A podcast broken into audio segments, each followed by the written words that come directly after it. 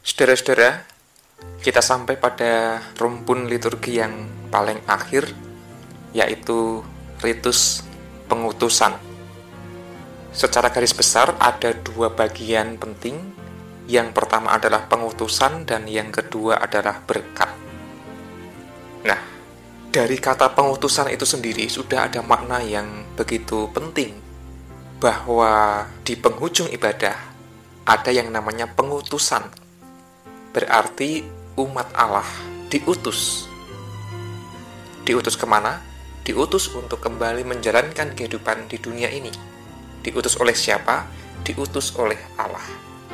Pendeta Joas Adi Prasetya menegaskan bahwa sebenarnya dalam liturgi Kristen itu tidak pernah ada akhirnya. Kalau kepada kita ditanya, kapan sih sebuah ibadah itu selesai? Biasanya kita akan mengatakan, yo setelah berkat berarti ibadah sudah selesai. Atau setelah keluar dari gereja, berarti ibadah sudah selesai. Namun pendeta Joas mengatakan bahwa sebenarnya ibadahnya itu tidak selesai, melainkan berpindah ruang. Jadi dari ibadah ritual di dalam gereja beralih dalam ruang kehidupan. Begitu umat keluar dari pintu gereja, umat memasuki ibadah yang baru, yaitu ibadah kehidupan. Maka ada istilah liturgi after liturgi, ibadah setelah ibadah. Kehidupan kita sehari-hari itu pun adalah ibadah. Kita ingat ibadah berarti menyembah, mengabdi, liturgi berarti melayani bersama-sama. Berarti hidup kita sehari-hari di rumah, di tempat bekerja, di masyarakat, di mana pun kita berada, juga adalah sebuah bentuk ibadah, bentuk liturgi, di mana kita mengabdi dan melayani Allah. Maka sebenarnya ibadah Kristen tidak pernah ada akhirnya, hanya berpindah ruangan tadi. Ya kalau kita mengatakan ibadah sudah selesai, maksudnya adalah ibadah ritual di gereja sudah selesai namun ibadah kehidupan baru dimulai. Maka umat diutus untuk kembali ke dalam kehidupan, untuk menjalani hari-harinya dan diiringi dengan berkat Tuhan. Nah ini penting dihayati mengapa? Karena sering kali orang itu memahami ibadah sekadar sebagai ritual, kewajiban belaka. Yo sing penting wis nang gereja, sing penting wis ngibadah, sing penting wis ngrungokke khotbah untuk berkat. Amin. Wis rampung. Aku wis ngibadah. Begitu keluar dari pintu gereja, begitu masuk dalam kehidupan sehari-hari, dengan segera orang akan lupa pada apa yang tadi dihayati dalam ibadah. Apa nyanyiannya, apa temanya, apa khotbahnya, dan pesan-pesan dalam ibadah itu segera dilupakan. Nah, pengutusan mestinya menyadarkan kita bahwa setelah kita mendapat sesuatu dalam ibadah, sesuatu itu, pesan itu, kita kerjakan dan kita wujudkan dalam kehidupan sehari-hari. Sehingga ibadah berlanjut. Pengutusan ini bisa dirumuskan dengan litani, dengan kata-kata, dengan lagu, dan lain sebagainya. Kembali ini soal kreativitas liturgi. Nah, bagian yang kedua setelah pengutusan adalah berkat. Nah, umat yang diutus itu adalah umat yang diberkati, dan diperlengkapi oleh Allah. Nah, secara garis besar ada dua cara menyampaikan berkat. Ada banyak pendeta yang menumpangkan tangan ke arah jemaat. Maksudnya adalah sebenarnya berkat itu asalnya dari Tuhan. Bukan dari pengkhotbah, bukan dari pendeta. Nah, siapa pun yang mengangkat tangan ke arah jemaat, dia hanya berperan sebagai perantara saja berkatnya tetaplah hanya dari Tuhan saja. Namun ada cara lain yang juga dilakukan oleh beberapa pendeta, yaitu mengangkat tangan tetapi arahnya tidak ke jemaat. Mengangkat tangan tetapi menengadah ke langit. Dengan rumusan berkat ya berkatnya bagi kami sekalian. Sehingga si pengkhotbah pun ikut menerima berkat.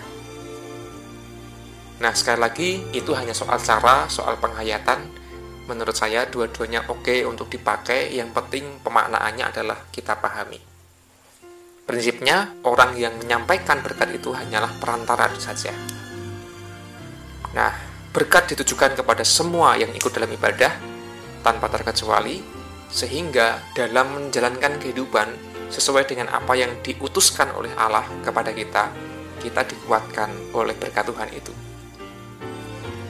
Nah, ada sebuah tradisi di gereja perdana yang kemudian masih cukup lestari di beberapa gereja sampai saat ini.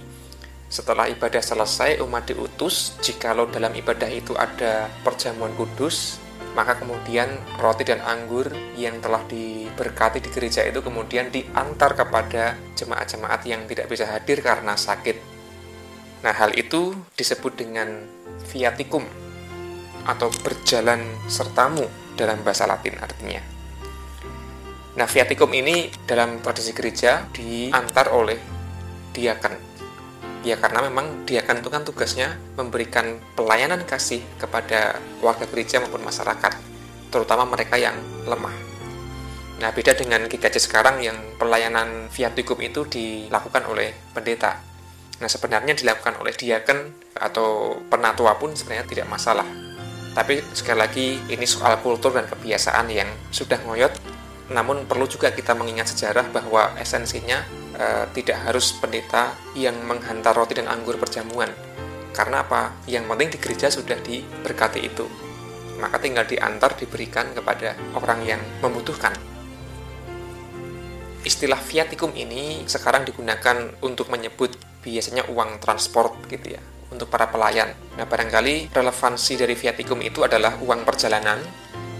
Asumsinya kalau ada pelayan yang diundang atau dimintai tolong, ya untuk eh, kebutuhan transportasi, akomodasi itu bernama viaticum.